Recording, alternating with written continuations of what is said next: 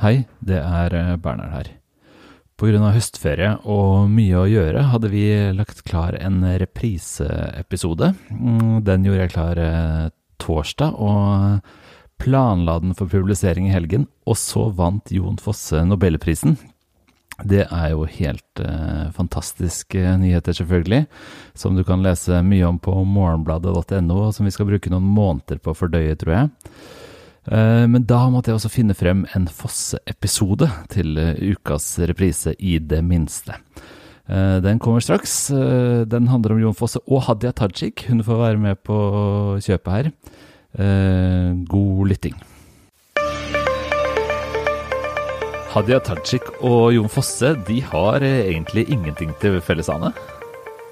Nei, det har de vel egentlig ikke. Eh, Men likevel så er det de to bøkene vi skal, eller to bøker av det vi skal snakke om denne uka. For det er, eh, det er det vi har lest. Ja, rett og slett fordi det de er to av ukas mest interessante utgivelser, og de begge er anmeldt på boksidene i dagens avis. Denne episoden av Morgenbladets bokpodkast skal altså handle om Hadia Tajiks bok 'Frihet' og Jon Fosses roman 'Jeg er ein annan'. I den andre enden av telefonlinja her er Ane Farsetås, kulturredaktør. Jeg heter Bernhard Ellefsen, er bokansvarlig i avisen. Skal vi begynne med Fosse? Vært lengst i gamet? Begynne med den gamle mannen? Og nå lurer jeg på hva han har skrevet denne gangen.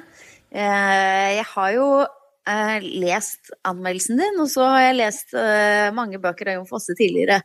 Og så, når jeg begynner å lese anmeldelsen din, og ser litt på starten av boka, så er det en gang til er det Asle. Jeg begynner å lure på, har jeg havnet inn i er dette septologien, er det ikke trilogien som eh, jeg har lest så mange ganger, og som også handler om Asle? Ja, og det er Alice, som også handler om Asle. Så nå har vi hatt Asle i snart 20 år i Jon Fosses forfatterskap. Um, det er litt vanskelig å si om disse personene som deler navn i Fosses forfatterskap, har så veldig mye med hverandre å gjøre. De skjærer jo på tvers av århundrer og, og verdener. Dette her er altså en septologi, som det kalles. Ja, som og hva er uh, nå en septologi? Det er det ikke så vanlig uh, i septologier. Nei, trilogi er tre bøker, og septologi er sju bøker. Eh, jeg mener jo at det. Men så er det ikke sju bøker engang. Nei, det er bare tull. Eh, hele greia er bare tull. For det første, hvis det er noe, så er det en trilogi, da, for den kommer i tre bøker. Men først og fremst er det en roman i, i syv kapitler. Dette er, er det, Altså, hver del følger helt på den forrige. Eh, og det er et, virkelig et kammerspill eh, Fosse har eh, skrevet her. Samtidig så er det jo så svært, da. Han har jo skrevet mange romaner de siste årene, som er 111, 117, 123 sider lange. Mm. Dette verket her er jo stort, det kommer jo til å ende opp på langt over 1000 sider. Men det handler likevel om bare noen få dager i livet til en mann som heter Asle, og en som møter en annen mann som heter Asle. Ja, Eh, det er ikke én Asle denne gangen, det er to. ja, det er et farseaktig opplegg for roman. Det er, jeg syns dette er veldig flott, men hvis man skal si hva det handler om, så handler det om to gubber som heter Asle, som spiser karbonadesmørbrød. Men eh, poenget er vel at den ene Asle som vi følger, uh, har for det første veldig mye til felles med Jon Fosse. Uh, men han er maler, ikke forfatter. Men han er katolikk, han er fra Hardanger, han er vel omtrent på alder med Fosse, kan man føle. Um, han har ganske mange av de samme synene på um, kunst og på Gud og på stekt flesk. Eh, og der vi møter han, så har han malt et eh, bilde um, og, som kanskje tar dette her litt inn i det landskapet vi kjenner sånn fra slutten av Min kamp, Knausgård sånn. Det her er, som noen forfattere bruker sånn nå, nå skal jeg ikke skrive mer. Eh, Dette her avslutter mitt verk. Det As Ja. Asle har gjort, er at han har malt et bilde helt på impuls, som egentlig bare er et kryss, eller et Andreas-kors, altså et sånt uh, kors som er i det skotske flagget, i spesielle Sånn, farger. Det røde på hvit bakgrunn. Mm. Ja, uh, her er det liksom uh, ulike farger, da, men det er et sånt kryss, og det er utypisk for hvordan han pleier å male, men det gjør veldig inntrykk på han. Og så er det november, og han skal samle bilder til sin årlige utstilling i Bergen, og mye tyder vel på at det kan bli den siste utstillingen. Han, han eh, mister for første gang i sitt liv eh, lysten til å male. Og så er jo da denne Asle en tørrlagt alkoholiker, eh, men han har en venn i Bergen, eller Bjørgvin, som det heter i Fosses eh, romaner fra de siste ti årene. Han har døpt om Bergen til Bjørgvin, samme når vi er i tid. Eh, og As, denne As, andre Asle bor i Bergen uh, og er dranker. Uh, og det er ganske tydelig at uh, samtidig som dette er to personer, så er de også to alternative livsløp. Altså et, et, eh, og det er egentlig ganske banalt. Det er bare at den ene slutta å drikke, og den andre ikke gjorde det. Men de har andre ting. Mm. Er det litt sånn sliding doors-øyeblikk uh, ja. her? Det er det ene livet der denne ene maleren ser på den andre Aslen som det livet han kunne ha hatt, eller noe i den ja, er, ja, ja, for leseren så ligger det der i hvert fall veldig sterkt. Mm. Det som kanskje er noe av det kuleste med romanen, uh, er at den aldri innrømmer det selv. Den mm. setter opp disse ganske opplagte parallellene, uh, men uh, samtidig så uh, Den gir liksom aldri etter, hinter ikke om at det er paralleller der. Mm. Og sånn som det har vært i Fosses romaner de siste ti åra, så er det er det liksom et mytisk landskap vi er i, selv når vi er i Bergen, altså i en slags nåtid. der er det i hvert fall biler her og Eh, gallerier og, og kafeer og, og, sånne ting, så er det ingen andre mennesker, nesten. Og de få menneskene som er der, de har en dobbeltgjenger i Hardanger, og det snør hele tiden. Og det er veldig som i trilogien, altså at uh, Asle trasker rundt i Bergen, og det er mørkt, og det snør, og han skal redde kameraten sin, han skal levere noen bilder, og han kommer aldri fram, og plutselig går han seg bort, og og jeg vet ikke om det er en Kafka-aktig følelse, eller om det er bare Fosse-aktig følelse, men det er veldig suggererende. Eh, og særlig kanskje i det forrige bindet, da, som heter eh, Det andre navnet, eh, mm. som kom i fjor. Eh, men dette henger så tett sammen at man må liksom snakke om det som én roman. Men hvis man skal snakke om mm. to romaner, så er kanskje denne nye litt kjedeligere, da, for den har litt mindre av den herre Eh, mystiske, det snør, hva skjer, dagen er så lang før han får lagt seg, alle disse liksom fæle, spennende tinga er det litt mindre av i den, mm. det nye bindet som handler mer om barndomsminner. Er det mer barndom? Det sier du jo først her, at alle store kunstnere kommer liksom til et punkt, gjerne da litt sent i livet, da, der mm. de skal oppsøke barndommens jordbærsteder og uh, vende tilbake i minnet til et liksom mytologisk eh, barndomslandskap. Er dette, er dette Fosses uh, ja, bakeskuende barndomsskildring? Det må man nesten anta. Uh, og som verk så fremstår det sånn. Jeg fikk veldig assosiasjoner til en hel haug av sånne autørfilmer. Uh, som gjør nettopp dette her, som du hinter til. da, 'Smultronstella' av Bergman, 'Speil' av Tarkovskij, eh, 'Evigheten av Dag' av Angelopolos, eh, 'Deconstructing Harry' av Woody Allen, 'Amarcord' av Fellini, hvor liksom de lar eh, aldrende eller voksne personer liksom skjære gjennom sin egen biografi, da, ofte ved å rett og slett la dem gå fysisk inn i andre tider, sånn som man kan huske fra 'Smultronstelle', hvor Viktor Sjøstrøms karakter ligger i gresset og ser på sin egen familie eh, i barndommen. Eh, mm. så, sånn kan man jo få følelsen av her også. Og de beste scenene i verket er sånn. Altså at eh, den aldrende Asle som kjører fram og tilbake til Bjørgvin da, eh, med varmeapparatet på fullt og tenker på pinnekjøtt, han stopper stopper en, ved en lekeplass. Og det, der ser han et relativt ungt par det er en helt utrolig bra scene, og den er i forrige bok. Eh, og den er skrevet nesten ut som et teaterstykke. Eh, da kjenner man virkelig liksom kloen til dramatikeren Fosse. Det er altså mannen, eller gutten, eller det er vanskelig å si hvor gamle de er, um, dytter jenta på en sånn huske, og så sier hun nei, og han dytter fortere og fortere, og hele greia får en sånn vond følelse av voldtekt, egentlig, hvor hun sier nei, og han dytter likevel, men det er bare på en huske. Mm. Og så, og, så, bryter hun liksom ut i eufori når hun Altså mot slutten av den huskinga, og så flytter de seg til en dumple, eller hva, heter det på vestlandsk, jeg husker ikke, men sånn som du vipper på, ikke sant? Visse eller vippe. Vippe, tror jeg de kaller det på Vestlandet. Uh, og så gjentar det samme seg der, og så ligger de sammen i sandkassa, og det er Asle og Ales, viser det seg. Um, mm. ha, altså den Han ser seg selv og kjæresten sin som er død i nåtid. Og den, mm. den, er ganske lang, det langt det partiet, mm. og det er, det er, virkelig fantastisk. Eh, det er Fosse på sitt beste, og det sier ikke lite. Eh, det er ganske sånn isolert i teksten, men en del av det her livet og, og kraften som fins i den boka her, syns jeg. Mm. Det er noe som er litt fascinerende, fordi at med Fosse så føler jeg det er sånn enten så eh, har man liksom klart å komme dit at man leser han og man klarer å se disse bildene og at de gir mening for en, eller så står man helt på utsida. Det er ganske vanlig erfaring. Mm. Eh, og det som jeg føler er er en nøkkel, er å ikke gjøre det så vanskelig for seg selv som, mm. som leser. Mm. Eh, for eksempel dette her, ok, det er kanskje som du sier, det er ikke nødvendigvis sånn at romanen sier dette er to ulike livsløp, eller dette er det alternative livsløpet, men det blir mye lettere å lese romanene hvis man bruker Hvis man tenker dette er ikke så vanskelig, kanskje dette egentlig skildrer en mer vanlig erfaring i livet. I hvert fall når du viser til Asle og Alice der. For meg var det sånn at da jeg leste det Alice første gang, syntes jeg var så jeg skjønte ikke hvorfor det var så mange personer som var nesten samme personen, mm. som så på hverandre og sine egne besteforeldre, og alle het nesten det samme. Jeg syntes det var så vanskelig.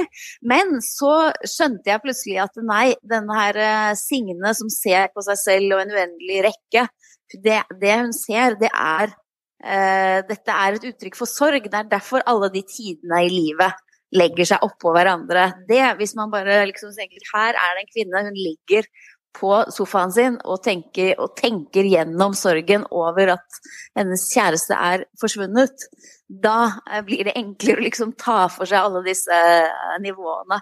Og litt sånn høres det ut som det er her også med den ja, ja. Eh, disse to aslene. Ja, ja, ja, definitivt. Det er bare ikke gjør det vanskelig. Um, det, er, det, er, også et Asles Kunstmaleren Asles liv og er også et liv omgitt av død. Han, um, han, sørger Eh, over Ales, som er borte, eh, som han um, knapt klarer å tenke på uten å bryte sammen. Og det er helt tydelig motor for at han tenker tilbake, liksom. Um, dette er livet hans uh, ja, Sorry, sett likevel, da, fra livets høst, liksom. Mm. Um, og det er vesentlig. Og så, og så, er det jo også noe med lesinga av Fosse at man bare må liksom go with the flow. Um, ikke, ikke, sitte og skal få alt til å gå opp, da. For uh, først og fremst så er det jo Selv om formen kan virke litt avansert det, på en måte, det er jo ingen punktum. Um, den flytter seg jo i tid uh, ganske sånn uten å si ifra. Uh, bruker en del sånne vestlandske formuleringer på en måte som egentlig er mer Fosse-formuleringer enn Vestlandet. Um, så det er, liksom, det er, ikke så vanskelig å komme inn i, og det handler om utrolig jordnære ting. Er, mm. eh, selv om det tenkes mye om Gud og, og, kunst her, så er det helt tilforlatelige tanker om både Gud og kunst. Det er, det er først og fremst eh, et veldig sånn hverdagslig, nedpå eh, verdenssyn som eh, blir spilt ut. Og så må jeg også innrømme at jeg vel kanskje aldri har vært utenfor den Fosse-greia. da. Jeg har virkelig vært mm. fan siden jeg var tenåring. Og ble helt betatt. Eh, 'Naustet' var den første romanen jeg leste. Jeg husker, og da, var, da, var, jeg 16, da, så jeg hadde ikke lest mange romaner som ligna på noen som helst måte på det Fosse skrev på 80- og 90-tallet, som var enda mer hva skal jeg si da, stilisert og formtungt da, enn han skriver nå. Mm. Men jeg har alltid elska denne, denne greia. Altså Syns det er veldig eh, flott å komme inn i en Fosse-tekst nesten hver gang. Uh, og når jeg nå Altså, man kan jo føle underveis at uh, han skriver litt kort og litt langt og er litt her og litt der og lurer på hva han driver med, men når man ser på hva han har gjort etter 2000, så er det jo i prosaen, da. Helt utrolig imponerende liste over bøker. Uh, men jeg syns fortsatt kanskje 'Morgen og kveld' er den aller sterkeste, men likevel, altså. Det er 20 år med veldig sterk prosa fra Fosse. Mm. Det er jo det han har valgt. Nå er det jo romaner han skal skrive. Han har jo valgt bort skuespillene. Ja, han har jo... Er det et godt valg?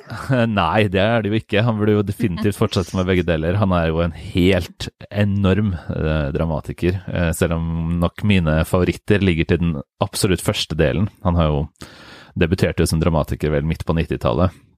Og to tidlige stykker av mine favoritter, 'Noen kommer til å komme', som sikkert er alles favoritt, og 'Drøm om høsten'. Eh, men eh, han må jo ikke velge, han må jo skrive alt, eh, rett og slett. Hvilken er din Fosse-favoritt, før vi går videre? Det er uh, Morgen og kveld, ja. og det er Ales. Uh, er nok mine to favoritter, ja. Han fant et eller annet der. Så liker jeg trilogien veldig godt også, men der er, der er jeg mer sånn uh, der er det mye jeg syns er fint, men syns ikke det er helt liksom der oppe på det. Jeg blir ikke så berørt av det som jeg blir av Det er alles og Morgen og kveld. Siden vi begge nevner Morgen og kveld, den har jo dette enormt spesielle grepet at den lar oss møte en mann som heter Johannes idet han blir født, og idet han mm. dør. Og alt mm. annet er utelatt. Boka er vel bare ja, 120-130 sider, den også. Mm. og har et gapende hull i midten som er et helt liv. Eh, mm. det, er et, det, er et, grep man ikke glemmer når man har lest boka, tenker jeg. Mm. Skal vi hoppe fra Hardanger til Jæren? Det er ingen andre, ingen andre fellestrekk, men, eh, men vi, har, vi, har, anmeldt Arbeiderpartiets nestleder. Du har anmeldt Arbeiderpartiets nestleder, Hadia Tajiks mm. nye bok som heter 'Frihet'. Jeg vet jo at du er litt interessert i norske politikere, hva skal jeg si, memoarbøker, biografier, jeg-bøker.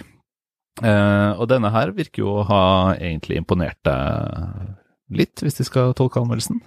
Ja, den skiller seg en del fra, fra, det som er vanlig i sjangeren. Jeg er jo ganske interessert i memoar og selvbiografi, selvbiografisk litteratur i og for seg. Eh, fordi en selvframstilling den kan jo aldri være nøytral eller eh, det, altså det Måten man velger å fremstille seg selv på, den, den sier jo alt om verket. Og når politikere gjør det, så er det klart at den liksom, instrumentelle eh, selvframstillingen, da, måten man velger å gjøre dette på, den har, vil jo alltid ha en sånn eh, politisk, strategisk eh, side også. Hvem ønsker man eh, å fremstille seg selv som? Det er mye tydeligere der. Eh, men det som er jo helt vanlig i sjangeren, det er at man forteller om livet sitt, hvor man kom fra, enkle kår, vet du. Det er eh, Skal man helst være så folkelig som overhodet mulig. Det helst være en karakter i en Jon Fosse-roman. Ja. Eh, og der skiller jo ikke Hadia Tajik seg noe ut fra tradisjonen. fordi det er jo nettopp Og hun har jo nettopp en sånn klassisk bakgrunn som egner seg da egentlig perfekt i en sånn min, min, min, plass i arbeiderbevegelsen-historie. Eh, det som det er formulert her, er født inn i norsk arbeiderklasse med en far i olje og en mor på butikken. Eh, da selvfølgelig med den forskjellen eh, at foreldrene hennes ikke var født i Norge, men, eh, men kom hit. Eh, men allikevel så er det jo da alt dette liksom, oljearbeider, jobbe på butikk, i det private næringslivet. Eh, sånn Sånn at hun har jo absolutt den, men hennes bok, da, den heter jo da 'Frihet en politisk og personlig historie'. Eh, for det første så kan vi jo merke oss at politisk står foran personlig eh, her. Eh, og for det andre så er det faktisk da en utforskning av det begrepet som tittelen heter 'Frihet'. Det er ikke så mye handler, det er egentlig ikke så mye en historie om Hadia Tajiks personlige frihet eller frigjøring. Eh, det er faktisk en da, diskusjon av mulighetsrommet for frihet, hva det betyr, hva som mest hindrer folks frihet og utvikling. Og det som mest skiller den fra absolutt alle andre, det er jo at eh, det er en delvis intervjubasert bok. Ja, det... det er jo også en litt sånn vanskelig selvbiografisk form, da. Ja, nei, altså det er jo en sånn Det er jo flere interessante motsetninger her, og det er jo selvfølgelig en, en bok som skal sikkert gjøre flere ting samtidig. Omslaget eh, viser jo Tajik i eh, det du karakteriserte som en power pose. Eh, det må jeg si eh, står i ganske sterk kontrast til hvordan jeg opplever boka når jeg leser anmeldelsen din. Hun, hun ser ut som hun, hun skal vinne et senatsvalg i det amerikanske kommende valget, mer enn, mer enn noe annet. Men samtidig så skriver du jo om at hun er jo faktisk journalist, eh, og, ja. og bruker det ganske aktivt eh, til en bok som dermed får på en måte flere stemmer og perspektiver enn man er vant til i denne sjangeren, kanskje? Ja, det vil jeg si. Ja, som du sa, bildet utenpå er blitt eh, sammenlignet med Alexandria Okisha Cortez, AOC, fordi de har en ganske lik dress der. Men jeg vil si dette er en veldig lite amerikansk bok, eh, selv om den også har blitt sammenlignet med Obama. Den er jo heller er litt erkenorsk i liksom vektleggingen av arbeiderbevegelsens ideologi. Det er det det sånn i all hovedsak handler om her. Hele første delen av boka er absolutt mest opptatt av fagbevegelse, arbeiderrettigheter, fagorganisere, betydningen av faste stillinger. Eh, alle disse liksom helt sånn essensielle rettighetsspørsmålene, da. Og knytta til arbeidslivet, rett og slett. Eh, og forskjellen er jo også at det ikke bare er liksom paroler, men det er to ting. Det ene er hun er veldig forskningsbasert. Eh, hun har to utdannelser, hun er jurist og journalist. Baserer seg mye på forskning. ikke sant? Når hun skriver om ulikhet og hva frihet er i økonomisk forstand, så kombinerer hun det forskningsmessige sånn her. Dette sier forskning om eh, bakgrunn og ulikhet, og hvordan foreldrenes økonomi påvirker det, med å eh, intervjue mennesker, da. Intervjue fagforeningsledere, intervjue litauiske bygningsarbeidere. Eh, intervjue de som er i midlertidige stillinger, eh, og som har opplevd eh, å bli kastet ut av arbeidslivet. Kastet, fått sparken fordi de har vært fagorganiserte, disse klassiske temaene. Så der gjør hun liksom eh, delvis en journalistjobb, da. Ja, Men det er litt vanskelig når, når, når, det er en bok om henne selv hun gjør denne journalistjobben innafor. Absolutt, men det er noe såpass eh, uvanlig i, likevel at det blir Man ser for seg at eh, resultatet blir interessant. Men jeg lurer på, liksom, føles den nysgjerrigheten da, som må drive sånne spørsmål, de spørsmålene man stiller til menneskene som blir er gjenstand for politikken, eh, føles den nysgjerrigheten ekte i boka? Det vil jeg si. Altså jeg tenker jo at dette her fremstår, og det er sikkert eh, da det hun ønsker å fremstå som, en rasjonell person som prøver å finne først og fremst eh, fram til noe faktagrunnlag og noen argumenter, og prøver å lete der eh, fremfor at det er så veldig mye basert på hennes personlige erfaringer, personlig intuisjon, eller på, for den saks skyld, på partiprogrammet. Altså, det er mer det grunnleggende bevegelsen. Det er en bok som handler utrolig lite om Arbeiderpartiet. Den handler veldig mye om arbeidsliv. Men det er så veldig lite her. De, disse bøkene de er jo veldig ofte sånn og så skjedde det, og så ble jeg med i det lokallaget, så fikk jeg hjelp av den, men der var det motstandere. Og så slåss jeg mot uh, de politiske motstanderne, og det, det, eksisterer ikke i denne boka, dette liksom politiske spillet, organisasjonslivet. Uh, det er rett og slett ikke med, og det syns jeg er veldig forfriskende. Eh, hvis vi skulle til slutt, plassere den litt i, i, i landskapet altså det, det, kommer, det, kommer, mange sånne bøker hvert år. Eh, selv, selv i en, et lite land som Norge, med relativt få politikere, eh, så kommer det flere sånne memoarbøker og, og hva skal jeg si, halvpamflettaktige memoarutgivelser hvert år. Det, altså Sammenligning med f.eks. Obama plasserer den jo kvalitetsmessig ganske høyt i hierarkiet. da. Men hva mm. tenker du hvis vi skal sette den liksom i sammenheng, sånn helt eksplisitt? Er det, er det av det bedre, eller? Eh? Det er absolutt av det bedre. Det er ikke eh, på det litterære nivået, eller memoarnivået, da, som Obama er. Obama klarer på en dypere måte å bruke memoartradisjonen og det selvbiografiske, som jo også er mye sterkere tradisjon i USA, den har mer den her den mer ekte memoardrivet. Mm. Mens her er det jo mer en kombo av uh, memoar og journalistikk og diskusjon av samfunnsspørsmål på en litt mer uh, ja, litterært sett så blir det mer som en vanlig drøftende tekst. Eh, men jeg tenker jo at den skiller seg veldig positivt ut eh, i den norske flora, nettopp gjennom dens eh, saklighet framfor det å liksom ri politiske kjepphester mot motstandere. Høylytt fornuftig, eller et eller annet? Mm, høylytt fornuftig, ja. Mm.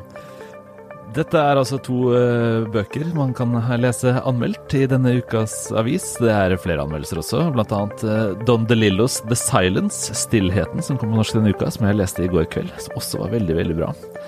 Uh, vi håper selvfølgelig du som hører på vil abonnere på avisa. Det gjør du på morgenbladet.no. Og så snakkes vi igjen neste uke, Anne. Takk for praten. Det gjør vi. Takk for praten.